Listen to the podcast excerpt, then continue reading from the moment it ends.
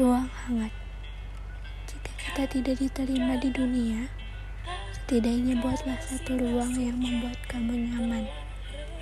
Setidaknya sampai kamu diterima di dunia.